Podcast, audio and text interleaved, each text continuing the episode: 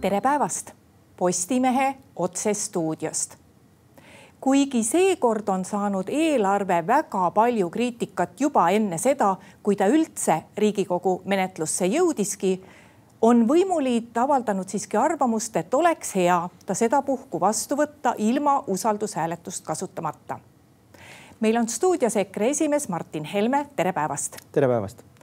Kas võimuliit on liiga naiivne, kui ta loodab, et riigieelarve saab vastu võtta nii, et ei kasuta usaldushääletust? ma küll ei äh, näe, kuidas nad seda saaksid ilma usaldushääletuseta vastu võtta, tõesti. siin on mitu asja, esimene asi on loomulikult see, et eelarve ise on halb. Äh, noh, kõik need maksutõusud, mis seal sees on, kõik need rumalatest kohtadest kärpimised, aga mis mind eraldi väga häirib, on näiteks äh, see investeeringute portfell, mis sinna on pandud, mis on tegelikult mitte Eesti majandust toetav, vaid Eesti majandust kahjustav ja pikas plaanis kahjustav. võib-olla jõuame sellest natuke pikemalt rääkida teiseks, äh, kui keegi kujutab ette, et ainult eelarve tuleks panna või noh, on võimalik siis vastu võtta usaldushääletusega, siis eelarvega koos käib terve rida seaduseid veel, ilma milleta ei ole võimalik eelarvet vastu võtta. noh, me räägime kõrgemate riigiametite palgaseadusest ehk KRAPS-ist. Äh, KRAPS-is tehtavad muudatused on eelarvesse sisse arvestatud, kui seda KRAPS-i vastu ei võta, siis eelarve ei ole vastuvõetav. täpselt samamoodi on eelarve baasseadus on Riigikogule üle antud, kui eelarve baasseadust vastu ei võta, siis eelarve tänane raam, mis meile on ette pandud, ei ole kooskõlas seadusega. seal on veel mitmeid seaduseid. nii et äh, ma arvan, et valitsusel seisab siin ees ikkagi äh, selline väga, äh, raske tõehetk, et kas nad panevad siin, ma ei tea, viis-kuus erinevat seadust usaldushääletusele ennem aasta lõppu või siiski äh, võtavad äh, tõsiselt seda, mida me oleme kevadest saadik rääkinud, et meil on Riigikogus väga tõsine vastasseis paari väga olulise seaduse üle, mis on tänaseks päevaks vastu võetud ja üks seadus, mis on Riigikogu menetlusse antud, see on tsensuuriseadus ehk nii-öelda vihakõneseadus et nende seaduste juurde tuleb tagasi minna, muidu ei ole võimalik äh, Riigikogus äh, edasi toimetada tavapärasel normaalsel viisil. no homseks on Riigikogu esimees kokku kutsunud ekspertide komisjoni, et äh, otsida võimalusi patiseisu ületamiseks Riigikogus. kas see on hea mõte otsida neid lahendusi väljaspoolt Riigikogu? no see on puhas PR tegevus, et alustame lihtsast asjast, et ma ei tea, miks ta seda teeb, sest et Riigikogu tänane juhatus on juba ammu leidnud võimaluse Nad lihtsalt rikuvad seadust, nad rikuvad Riigikogu kodukorda, nad rikuvad põhiseadust, nad ei pea kinni tähtaegadest, nad ei pea kinni korrast, mis näeb ette, kuidas asju päevakorda panna. Nad ei pea kinni korrast, mis näeb ette, kuidas komisjonis menetletakse. Nad rikuvad lihtsalt seadust, et meil täna ei kehti sisuliselt Riigikogu kodukord. me töötame noh, mingisuguses reeglite välises või, või, või, või post, postdemokraatlikus parlamendis kus lihtsalt jõud ja numbrid otsustavad kõike. nii et miks nad kutsuvad kokku mingisugust siis järjekordset äh, jutu, jutukoda, ma ei tea. teine asi on see, et noh, mina sinna ei lähe, sellepärast et mul ei ole mitte midagi kuulata äh, endiselt reformierakondlaselt Märt Raskilt või, või, või noh, ütleme siis endiselt Reformierakonna riigikohtunikult ja justiitsminister Märt Raskilt. mul ei ole, mul ei ole mitte midagi kuulata äh, endiselt sotsist spiikrilt Nestorilt. et ma tean, mida nad rääkima seal hakkavad, et rääkigu omavahel ja kõigele vaatamata eh, te arvate, et on parem, kui eh, Riigikogu saalis ei menetletaks seda eelarvet, noh, nii nagu ikkagi eelnõusid menetletakse, et tehakse ettepanekuid, mida teha teistmoodi, siis lähevad need komisjoni arutusele ja, ja noh, siis tulevad Riigikogu saali hääletusele. et seekord ei ole seal mõtet. Ma olen, ma olen Riigikogus nüüd kolmandat koosseisu, eks. Ise teinud eelarveid ministrina, ise olnud rahanduskomisjonis, näinud neid, kuidas valitsus teeb, opositsioonisaadiku vaatenurga alt ei ole veel näinud kogu oma pika karjääri jooksul poliitikas, et opositsiooni ettepanekud äh, parlamendi menetluses eelarvet oluliselt muudaks, et äh, on võib-olla noh, kui me jätame katuserahad kõrvale, mis on selline noh, suur poliitiline täristamine, ilma et midagi tegelikult väga palju muutuks et see, see, see ei käi niimoodi, et eelarve jõuab Riigikogusse ja siis me arutame ja parandame seda. eelarve on ikka kokku pandud valitsuse poolt, see ongi valitsuse vastutus ja Riigikogu annab loa valitsusel kulutada nii, nii ja nii palju. probleem tänase riigieelarvega on ikkagi see, et tegelikult Riigikogu liikmed, ei opositsiooni ega koalitsioonisaadikud ei saa aru, millele nad luba annavad kuuesaja leheküljeline, peaaegu seitsmesaja leheküljeline riigieelarve, noh, omal ajal oli ta seal paari-kolmesaja leheküljeline ei ütle meile ära, kuidas seda raha hakkab täitevvõim kasutama, seal on äh, lihtsalt noh, väga suured numbrid raamina ette antud meile. see ja see ministeerium saab seal, ma ei tea, nii ja nii mitusada miljonit eurot, siis see mitusada miljonit jaga, jaguneb ära võib-olla kolme-nelja niisuguse suurema portsu hulka ja kuidas neid, neid kümnetesse miljonitesse ulatuvaid siis äh, tükke tegelikult täitevvõim kasutama hakkab, selle üle parlamendil puudub igasugune arusaamine, võimalus seda näha või ka kontrollida. nii et noh, ma väidan, et tänane Riigikogule üle antud eelarve ei, ei tegelikult ei täida põhikirja, põhi, põhiseaduse nõuet, et, et just Riigikogu saadikud on need, kes annavad valitsusele volituse raha kulutada, sest meile noh, sama hästi võib meile ette anda, et kulurida on seal seitseteist miljardit ja tulurida on kuusteist midagi miljardit ja, ja noh, palun valitsus, hakake kulutama no see eelarve on juba ausalt öelda algusest peale kandnud äh, nii-öelda seda tunnussõna kärpimine, et äh, täna me teame, et neid kärpekohti tegelikult leitud ei ole. kuskohast oleks võimalik kärpida? noh, kärp, noh kärpida saab igast äh, kohast, aga need kärped, mida siis saab teha kõikvõimalikes asutustes ja ministeeriumites ja, ja riigi poolt rahastatud ka sihtasutustes, need on siiski väikesed summad, noh ma ütlen, printimispaberi, pastakate ja, ja, ja, ja, ja võib-olla seal ma ei tea, uute arvutite pealt kokkuhoid on ka kokkuhoid ja see on mõtteviisi küsimus, et me ka seal hoiame kokku, aga noh, me räägime siin väikestest summadest riigieelarve mõistes, eks ole, riigieelarve on peaaegu noh, peaaegu kakskümmend miljardit, natuke alla.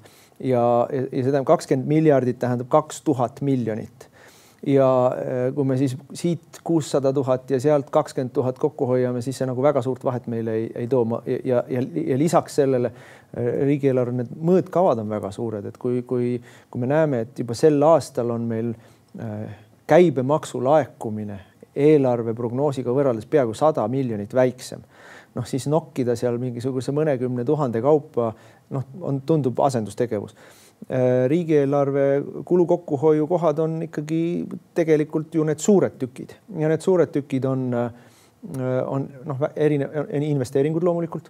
Äh, ma, ma, ma räägin nendest investeeringutest ikkagi, need tekitavad minus väga suurt hirmu, et meil on üks koma, peaaegu üks koma üheksa miljardit eurot on investeeringuid, see on väga-väga suur raha ja suur osa sellest investeeringutest läheb tegelikult äh, tühja. Need on need nii-öelda roheinvesteeringud, kus äh, ettevõtetele või ka omavalitsustele äh, ja riik ise teeb investeeringuid asjadele, mida ei ole vaja teha.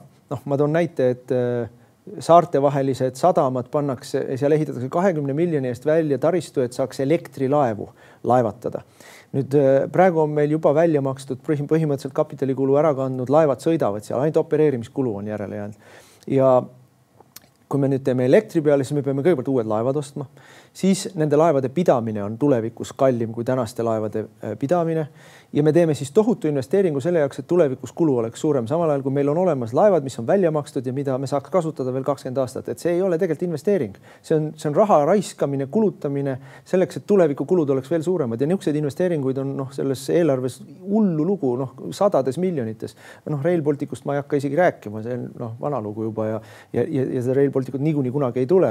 küsimus on selles, kui mitusada miljonit lihtsalt ennem suudetakse maha valada. nii et see investeeringute pool, kui valitsus räägib, et sellega nad hakkavad Eesti majandust edendama, ei, sellega pannakse Eesti majandusele veel üks täiendav veskikivi kaela. Äh, aga noh, jooksvad kulud on ka suured. nüüd ma toon eraldi välja selle, et kui eelmisel aastal, kahekümne teisel aastal oli Eesti riigieelarve miinus oli üks koma kuus miljardit, tuli riigil laenata raha, et äh, ela, ela, ela, kõik kulud ära teha, üks koma kuus miljardit, siis ligi miljard sellest oli meie abi Ukrainale noh, natuke vähem, kuskil seal üle üheksasaja miljoni, sellest peaaegu pool oli siis sõjaline abi ja ülejäänud pool oli siis laias laastus peaaegu pooleks läheb see abi, mis me tegime Ukrainasse, siis otse humanitaarabi. Ja siis teine pool, kakssada seitsekümmend, kakssada kaheksakümmend miljonit eurot on siis see, et me võtsime enda kanda nende tervishoiukulud, nende hariduskulud, nende pensionikulud, nende kõikvõimalikud sotsiaaltoetused, et need on suured summad, sadades miljonites. ja nüüd, kui Kaja Kallas ütleb meile, et me peame maksu tõstma, siis ta võiks meile ausalt ka öelda, et üks osa sellest maksu tõstmisest on see, see, et sel ajal, kui tema teeb äri Venemaal oma mehega, eh, Eesti maksumaksjale pannakse suuremad koormised, et ta saaks rääkida, kui tubli Ukraina toetaja ta on, et eh, noh, need kulud ei, ei ole küsitud Eesti rahvalt, et kas me tahame suuri maksetõuse sellepärast. ja, ja, ja lisaks sellele muidugi on meil terve hulk sotsiaalkulusid, mis on viimastel aastatel kerima läinud, sellepärast et keegi ei loe enam, kas see on vajaduspõhine või mittevajaduspõhine. tegelikult ikkagi vajaduspõhine sotsiaaltoetus on mõistlik, et helikopterilt raha, raha loopimine kõigile võib ju meeldida, aga tegelikult noh, maksumaksja, keskklassi maksumaksja, kes saab selle kõige suurema maksumaksu tõusust ja vaene maksumaksja, kes kannatab ju regressiivsed maksutõusud nagu äh, käibemaks, aktsiisid on ju regressiivsed maksutõusud, vaesem osa elanikkonnast maksab proportsionaalselt rängemat. Äh, et nendelt võetakse maksuraha ära siis selle jaoks, et äh, keskklass ja suurema sissetulekuga inimesed saaksid soodustusi, et see ei ole väga ratsionaalne käitumine. no Kaja Kallas käis juba korra läbi meie jutust, et Kaja Kallas tõenäoliselt jääb sest et vaatamata sellele, et Riigikogus üritatakse teda kiusata seitsmel erineval moel, eh, kuni Reformierakond ise teda maha ei võta, siis nii kaua ta jääb. kui kaua ka, kui kaua on Kaja Kallas veel peaminister? Ehm, noh, pessimistlik stsenaarium kuni kevadeni, optimistlik stsenaarium aasta lõpuks on läinud ehm, noh, ütleme ühel hetkel hakkab poliitiline gravitatsioon tööle, et me praegu, kui noh, lapsepõlves armastasin vaadata Looney Tunesi multikaid, kus see kojott jooksis üle kalju ääre ja tükk aega veel jalad käisid ja siis alles kukkus, et praegu Kaja Kallas on selles olukorras, et ta on juba üle kuristiku hääle, jalad käivad, aga veel ei ole kukkuma hakanud. Äh, nüüd äh, ja poliitiline gravitatsioon hakkab alati tööle. Äh, Reformierakonna toetus on languses ja jätkab langust. Reformierakonna äh, valitsusliikmete toetus on kriitilise piiri peal, Eesti kakssada on kuue protsendi peal. Äh, tal ei ole mingit ruumi tõusma hakata, küll aga on tal ruumi langema veel, languses edasi minna. see hakkab ühel hetkel, see reaalsus hakkab ühel hetkel kohale jõudma ka Riigikogu saali. Eh, Reformierakonna sees tegelikult, kuigi seda nagu nad on os väga osavad oma sisemiste erimeelsuste ja lahkhelide varjamisel, Reformierakonna sees on tegelikult väga suur pahameel kõige selle peale, kuidas seda asja tehti, et see asi üldse juhtus, kogu see Vene kaubandus, see vassimine, mis on järgnenud, see täiesti ebaadekvaatne reaktsioon, mis on järginud, selline noh, teismelise teismelise tütarlapse pirtsutamine kõikide suunas, alates sellest, et president on šaakal ja ajakirjanikud on šaakal ja, ja, ja, ja opositsioon on niikuinii šaakalid ja, ja kõik kiusavad teda ja tema vaene mees elab hingeliselt üle ja peab selle eest saama tuhande viiesaja euroseid hüvitisi suvalistelt inimestelt, et noh, see, see, see reaktsioon on täiesti ebaadekvaatne.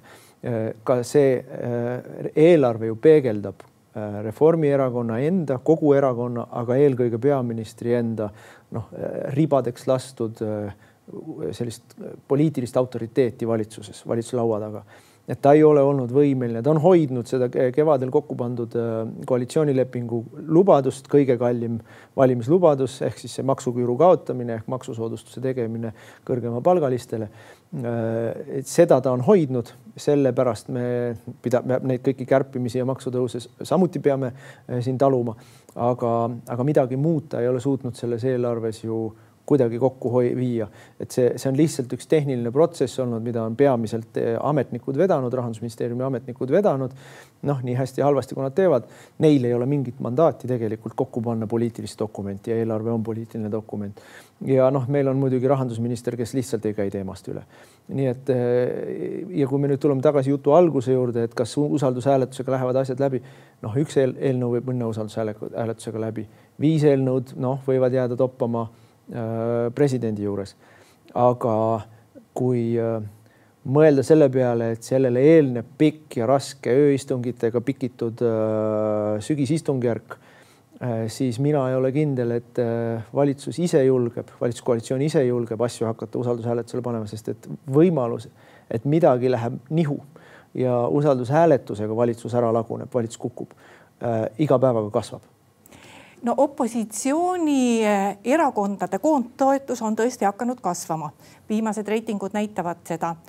Eh, nüüd on muutunud ka opositsioonierakondade endi toetus ehk siis eh, Keskerakonnast on saanud kõige väiksema toetusega opositsioonierakond ja Isamaa on väga tugevasti lennanud kuidas te opositsiooni vahel üldse koostööd teete ja kui palju mõjutab seda koostööd Mihhail Kõlvarti saamine Keskerakonna juhiks, sest noh, ühelt poolt ta ei ole Riigikogu liige mm, -hmm. aga noh, selliseid variante on meil varem ka olnud mm, -hmm. aga teiselt poolt siiski, et, et kui suurt koostööd praegu Keskerakonnaga teha saab? noh, kõige rohkem, noh, mul selles kakluses koera ei ole, nagu öeldakse, et eh, keskerakondlased liiguvad Isamaasse puha ja eh, noh, see kindlasti mingit pinget tekitab ju noh, noh paksu verd. Ja Keskerakonna fraktsiooniga on loomulikult keeruline midagi kokku leppida, sest et esiteks fraktsioon on noh, seesmiselt lõhki. teiseks veel ei ole settinud, ikka veel ei ole settinud siis see, et et, et, et missugune see dünaamika hakkab olema uue esimehe ja fraktsiooni juhi vahel, noh, see praegu on otsustatud, et fraktsiooni juhatust ei vahetata. Aga arvestades, aga see oli ka võib-olla väga selline pragmaatiline, sest et noh, fraktsioon oli suhteliselt ka tasakaalus pooleks Tanel Kiige toetajate ja, ja vastaste vahel või, või Kõlvarti toetajate vahel, aga nüüd on Tanel Kiige toetajaid ju mitu tükki fraktsioonist ära läinud. et ühel hetkel võib-olla Kõlvart leiab, et tal on need hääled olemas, et endale sobilikum fraktsiooni juhatus panna, seda me ei ole veel näinud kõike noh, see, see, see laiem, noh, aga see ei, ütleme Riigikogus ju opositsioonil võib olla kolmkümmend kohta, võib-olla nelikümmend üheksa kohta, see ei muuda väga midagi, et meil ei ole ju hääli selle jaoks, et valitsuse eelnõusid maha hääletada. Äh, meil on olemas võimalus komisjonides ütleme siis mürglit teha, meil on võimalus äh, suures saalis asjadele tähelepanu, mingeid teemasid fookusesse võtta, tõstatada. meil on võimalus oma proaktiivselt oma programmi tutvustada. Mm, et noh, see ongi see opositsiooni töö tegelikult nüüd äh, nii et noh, see, kas Keskerakonna fraktsioon on natuke suurem või väiksem või Isamaa oma natuke suurem või väiksem, see, see ei muuda, et need siilud on tegelikult ikkagi koalitsiooni ja opositsiooni vahel. Ja opositsioon ei pea ju midagi omavahel koordineerima, et meil kõigil on oma nägu, meil kõigil on oma agenda ja kuna me ei kanna valitsusvastutust, siis me ei pea kokku leppima omavahel, et kõik toetame nüüd seda eelnõud, mis siis, et meile see eelnõu ei meeldi või kõik oleme selle eelnõu vastu, mis siis, et kellelegi neist meeldib. Äh, aga nüüd see suurem poliitiline muutus, mis meie silme all toimub Äh, see on muidugi pikema vinnaga, et, täiesti selgelt minu meelest me liigume sinna suunda, et, et Keskerakond muutub nišiparteiks sellest, mis ta kunagi oli, suur rahvapartei, nii maapiirkonnad, linnad, eestlased, venelased, eks ole. Keskerakond on, on, on liikumas nišiparteiks. Äh, noh, kui valuline see protsess on või, või kui, kui kiiresti see juhtub, noh, praegu on raske öelda, see sõltub tõenäoliselt noh, hästi paljudest asjaoludest, et kui äkilised mehed on seal Keskerakonnas, kes kui kiiresti uksi paugutab ja kui, kui kiiresti Kõlvart oma tahet kehtestab erakonna juhina. aga noh, sellel on siis kogu ülejäänud poliitilisele maastikule kindlasti oma mõju, et me näeme seda, kuidas Keskerakonna toetajaskonda on, on, on tulnud juurde sellist noh, nii-öelda vene valijat on mobiliseerunud tema selja taha aga nagu me teame, Vene valijaskond Riigikogu valimistel eh, on laias laastus kümme protsenti, eks ju. et ülejäänud üheksakümmend protsenti on ikka Eesti valija, et ka kui kõik Vene valijad on sinu selja taga, sa Riigikogus saad ikka ainult eh, kümme, kümme kohta umbes. Mm, ja kõik Vene valijad ei ole ka Keskerakonna selja taga, umbes pooled, noh, seal viiekümnest ülespoole praegu, aga on ka olnud aegasid, kus on neljakümne peal umbes olnud eh, ja Eesti valija Keskerakonnast läheb ära. ja ta pudeneb laiali ühtlaselt, et jah, me näeme praegu Isamaa tõusu, Isamaa tõus on laia, laiapõhjalisem kui äh, ainult Keskerakonna senised toetajad. ma arvan, et nad on võtnud ka Eesti kahesajalt, ma arvan, nad on võtnud ka Reformierakonnalt üht-teist. Äh, mul on hea äh, näha seda, et nad ei ole meilt eriti midagi võtnud, sest noh, meie protsent on olnud väga stabiilne suve lõpust saadik ja ka eelistuseta valijate osakaal ei ole väga palju kõikunud niimoodi, et noh, ma saan aru, et see tõesti see meie valijaskond ongi, ei ole ära läinud kuhugile. nii et Isamaa tõus on tulnud mujalt. Äh, küllap on Eesti kakssada kaotanud oma toetajaid äh, nii Isamaale, aga ka Reformierakonnale, see selgitaks, miks Reformierakonna toetus on äh, nii hästi püsinud, ehkki ta on hakanud alla tulema aga ta siiski on, noh, arvestades selle skandaali suurust ja ka skandaali pikkust, tegelikult kuus-seitse nädalat juba on tegelikult teema on üleval kogu aeg. siis nad on isegi hästi püsinud. nii et me näeme minu meelest praegu väga suuri selliseid liikumise poliitilisel, poliitilisel maastikul ja, ja see ei ole lõppenud veel, nii et noh, kuidas see, kuidas see lõpuks kõik ja, ja noh, kes sinna ära jahvatatakse, noh, sotsid, Eesti kakssada on minu meelest need, kes, kellel pole kogu selles asjas nagu üldse midagi võita või, või, või, või, või, või kuhugi suunas seda liigutada? no öeldakse, et äh, kõige suurem küsimus on see, et kas Jüri Ratas lahkub Keskerakonnast ja kui siis lahkub, kuhu ta lahkub. olete Jüri Ratasele teinud ettepaneku juba liituda EKRE-ga? ei ole teinud ettepanekut, ei ole kutsunud äh, keskerakondlasi äh, üldse sellisel moel, et noh, minu arusaamine on selline, et tõepoolest, kui, kui sul partei alt ära läheb, nagu, nagu võib-olla Karilaid või, või ka Tõnis Mölder ütlesid, et noh, et see ei ole see partei enam. et kui see partei alt ära läheb, siis mingi jahtumisperiood oleks nagu sünnis. et sa istud akna all, mõtled natukene, räägid oma toetajatega oma valimisringkonnas, oma mõttekaaslastega, et, et teatud selline sünnis äh, jahtumisperiood minu meelest oleks vajalik see, mis nüüd toimub, äh, on kindlasti noh, organiseeritud ja koordineeritud, et, et kahtlemata on, on, on neid äh, kutseid tehtud äh, juba ennem kongressi ja neid mõtteid vahetatud juba ennem kongressi. ma muidugi ütleks selle kohta niimoodi, et, et kui ma vaatan Eesti sellist poliitilist mustrit läbi aegade, siis ikkagi tuleb, tuleb valijatele öelda, et ei saa taguda peaga vastu puud ja karjuda, ai valus on, tehke midagi. Me oleme näinud, kuidas Eesti valijat on ju noh, eriliselt noh, lollitatud, kui tuli Res Publica. tohutu supernova oli, noh, sai valija petta, siis tuli Vabaerakond, noh, sai valija petta, siis tuli Eesti kakssada, sai valija jälle petta. Ja nüüd põhimõtteliselt Reinsalu teeb ju Isamaas uuesti Res Publicat. üle välja võtab kõiki, kes vähegi tuleks, kõiki, kellel vähegi on nimi kõiki, kellega saab uudise, uudisnupu teha, et meiega tullakse. No minu meelest ei ole see jätkusuutlik. Ja, ja kui, ja kui nüüd Eesti valija nüüd teist korda astub Res Publica reha peale ja ma ei tea, neljandat või viiendat korda astub selle reha peale, et kuskilt tulevad uued inimesed, kes pakuvad meile noh, ilusat roosat suhkruvatti, siis noh, siis on ikka edasi valus. aitäh, Martin Helme tulemast Postimehe saatesse. aitäh kutsumast. ja aitäh ka kõigile neile, kes meid vaatasid Postimehe järgmised otsesaated on eetris juba homme. seniks lugege uudiseid postimees.ee. Música